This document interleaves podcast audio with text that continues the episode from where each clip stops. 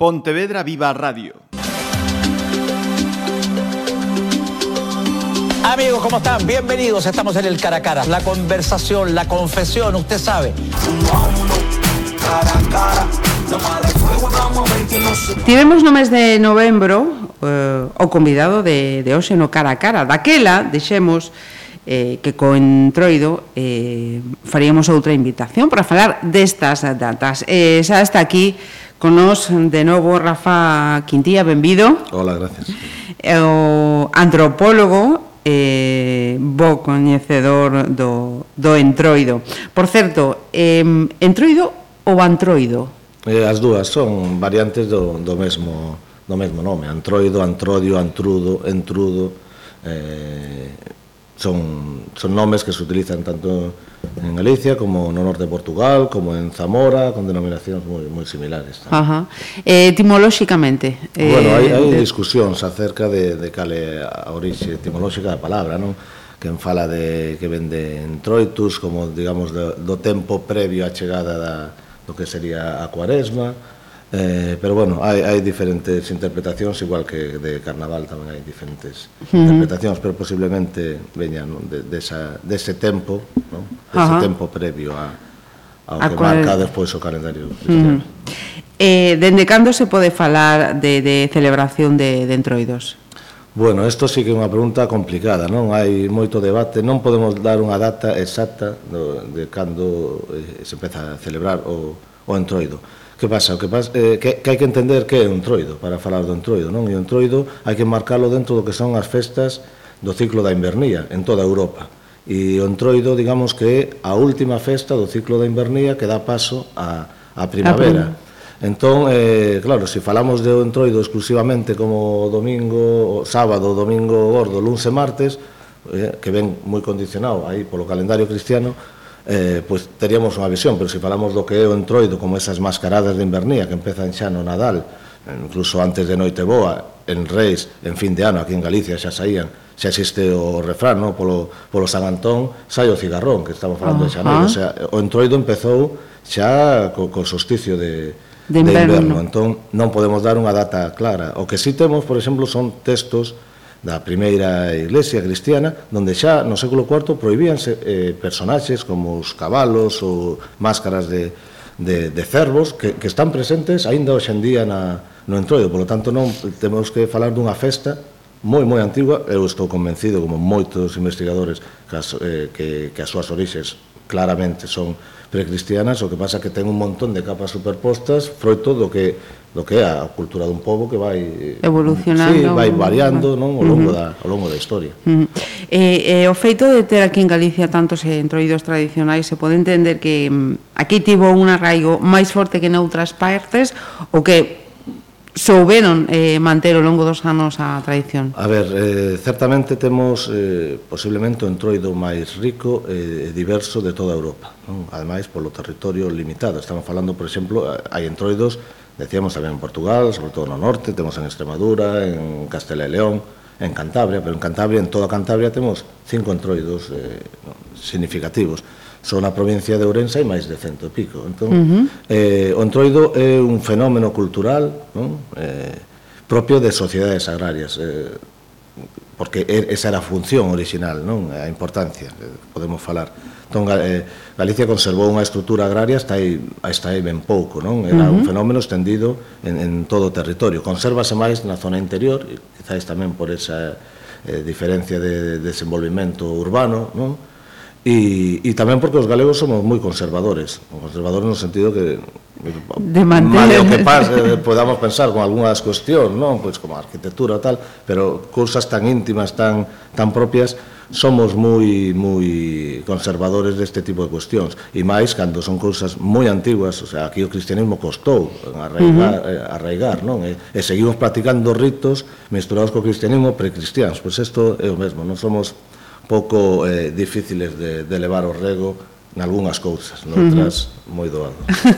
e, e deses entroidos tradicionais o, o que temos máis máis preto é o de o de cobres, non? Si, sí, así que se conserven, non, digamos eh, na, na, na provincia de, de Pontevedra, ainda que falar de provincias neste caso non ten sentido, porque uh -huh. as provincias é un invento de hai cento e pico anos, e eh, E, e moitas veces entroidos, claro, van dunha comarca a outra, comarca que traspasan os, os lindes, os lindes provinciais, pero eh, temos o de, o de Cobres, non? da Madamas eh, e Galáns, en Vilaboa, que antes eran moitas máis eh, parroquias, incluso Madamas e Galáns había as dúas beiras da, da ría de Vigo uh -huh. e así tamén eh, bueno, coñecido pois os Xenerais da Ulla que tamén temos na, na estrada en, uh -huh. en Boqueixón, por exemplo, Boqueixón é da Coruña, a estrada de Pontevedra non?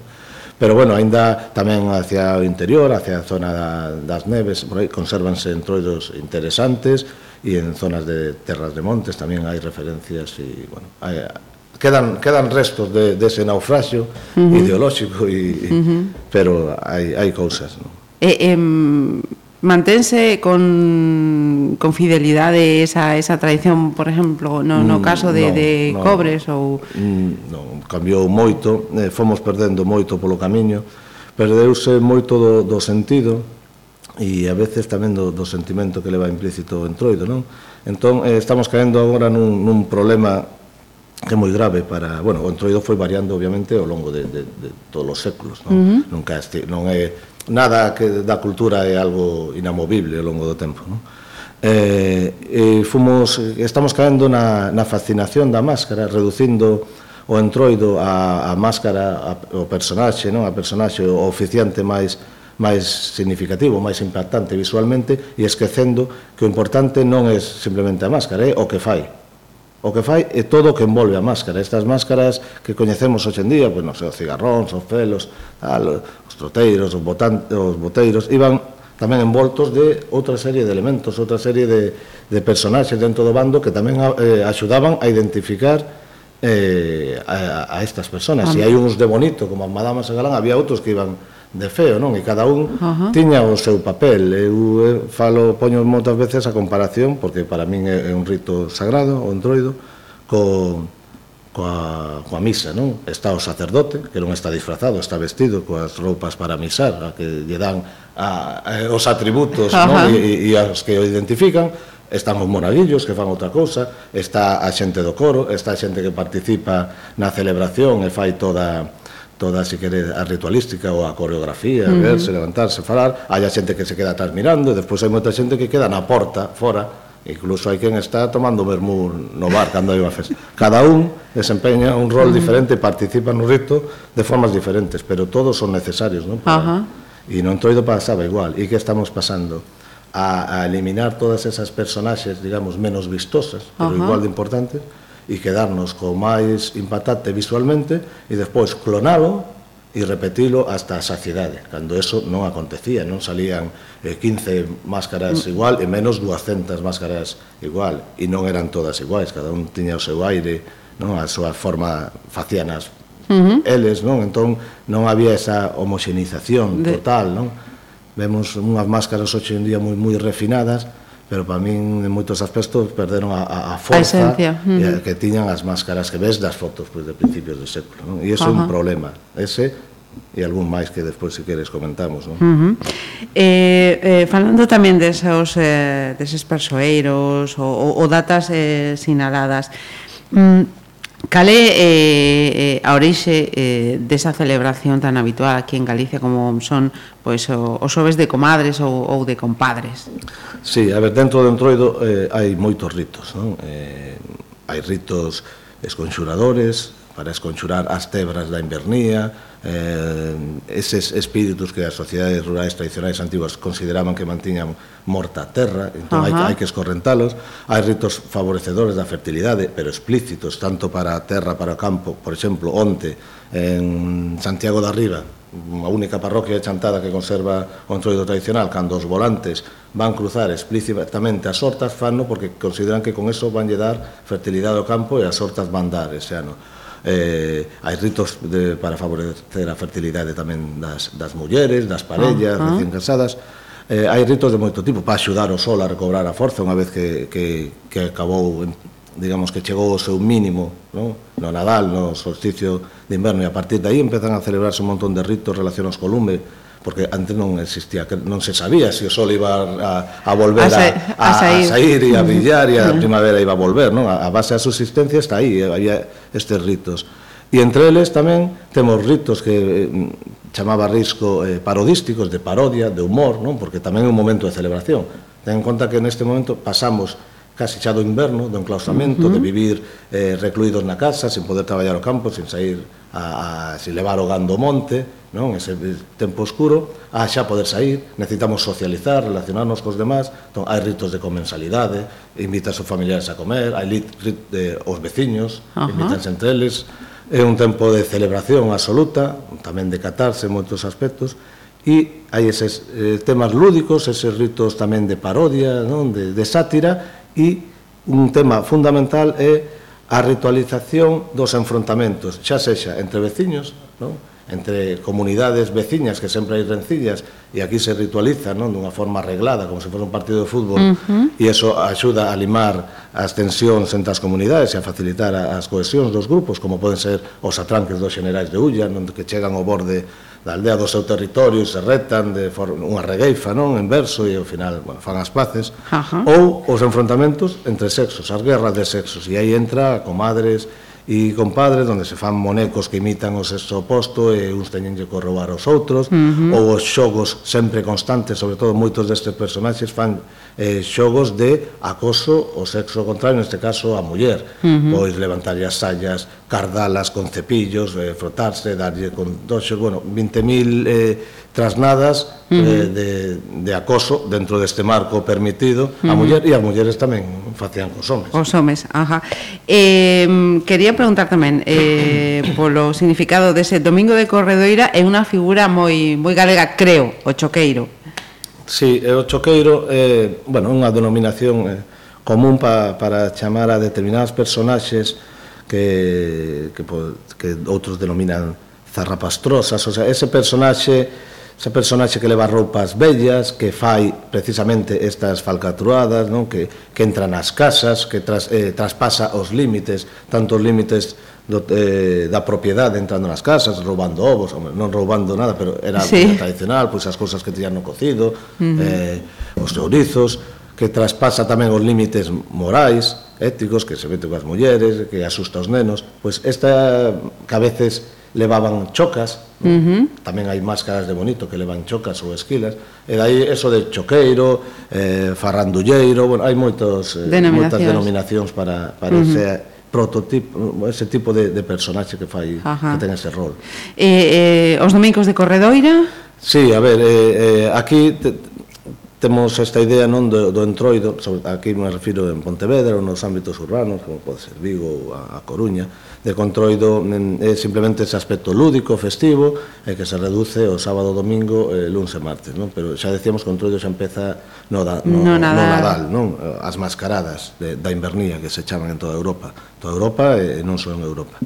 E, e entón, eh, digamos, que un ciclo máis longo, empezaría co que é o domingo o domingo Lambedoiro, por exemplo, en Chantada, o, o, o domingo eh, Fareleiro, que tamén Ajá. chaman en, en Xinzo, non? que foi hai dous domingos, despois viría este domingo que acaba de pasar, que é o domingo corredoiro, onde xa eh, hai unha expresión típica en Galicia que é correr o entroido. Correr o entroido é sair nestas datas a percorrer as casas da aldea, facendo esta comitiva, non? Eh, máxica facendo estas cousas, non? Uh -huh. E despois sería o domingo gordo, que sería o domingo de o, o domingo de carnaval uh -huh. coñecido, non, vulgarmente, non, o domingo uh -huh. de Entroido. Eses son os tres domingos fundamentais, e polo medio temos eses xoves de comadres, eh, xoves de compadres, onde hai esas esas rivalidades de sexos, de... Eh? e despois o luns, martes uh -huh. e mércores de cinza e a veces tamén o seguinte domingo. Uh -huh. O sea, xa en en, en Semana en Santa, cuaresma, en Cuaresma, uh -huh. en Semana Santa, non, perdón, en Cuaresma, tamén tamén se sai, non? Ajá.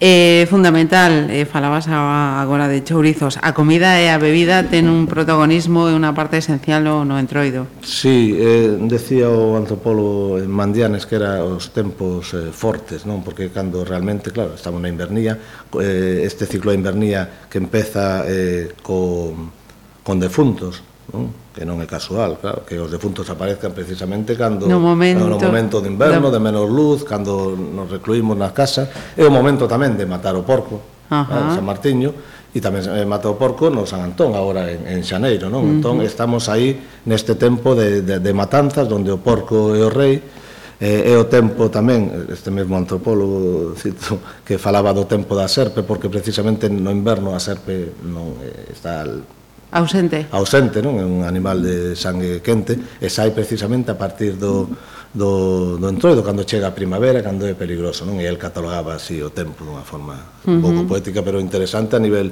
simbólico e por eso sai o oso, no, no entroido, porque o oso marca a chegada da primavera, cando, Ajá, cando acaba termina... Por eso ah, eh, fai acto uh -huh. de presencia oso dicindo que en que tempo estamos, e iso, uh -huh. hoxe en día, eh, consérvase fundamentalmente, o máis coñecido, de o de Salcedo de Pobra de Brollón, pero hai, había osos pues, en Cotobá, de, en todos lados, e de feito hoxendía estánse recuperando eh, esta personaxe en moitos, en moitos lugares. Non? Ajá. Era un tempo especial por, polas matanzas, donde a carne ten unha importancia grande, tamén Obviamente, como falamos, a cultura vai, vai mudando e as prohibicións da Iglesia Católica fixeron que tamén a xente tivese que aproveitar para comer antes da, da cuaresma. Todos estes ritos de comensalidade, de, de cohesión dos grupos, leva implícito banquetes, comidas comunais, comidas familiares, donde eh, a comida... Eh, bueno, ao redor, eh, nese gran banquete redistribuído, sí. redistributivo, non? Está a orixe do,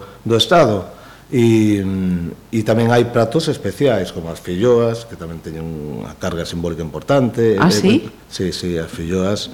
Bueno, un día estivemos falando de filloas en un encontro tamén. As filloas, aparte de ser un, un, a sobremesa, un, un postre non típico, as doce falamos tamén as de, as de sangue, hai lugares eh, do norte de Portugal que, bueno, culturalmente son afins, que chegando entoido enterraban filloas nas leiras para protexer os campos, non? porque ao final están ah. falando de discos solares, case, son uh -huh. discos de sí. eh, amarelos, eh, como ofrendas ás mozas que lle gustaban, colgaban as nas árbores diante da casa, eh, utilizáronse incluso o picadillo famoso este cociñeiro galego, sí. hai un século fala dos chocalleiros das mariñas brigantinas, se usaban como máscara a veces unha filloa, non? E, pero en, en toda Europa a filloa ten unha connotación... Eh, especial e, e simbólica relacionada con este tempo, o sea, non é unha simple Post, sí, sí, postre, ten un, por, decir. ten un porqué, como, como todo na cultura. ¿no? Mira, ti. Eh, e tamén eh, a, a día de hoxe o entroido perdeu eh, esa función didáctica que daquela eh, tiña para quedarse eso co, coa parte lúdica.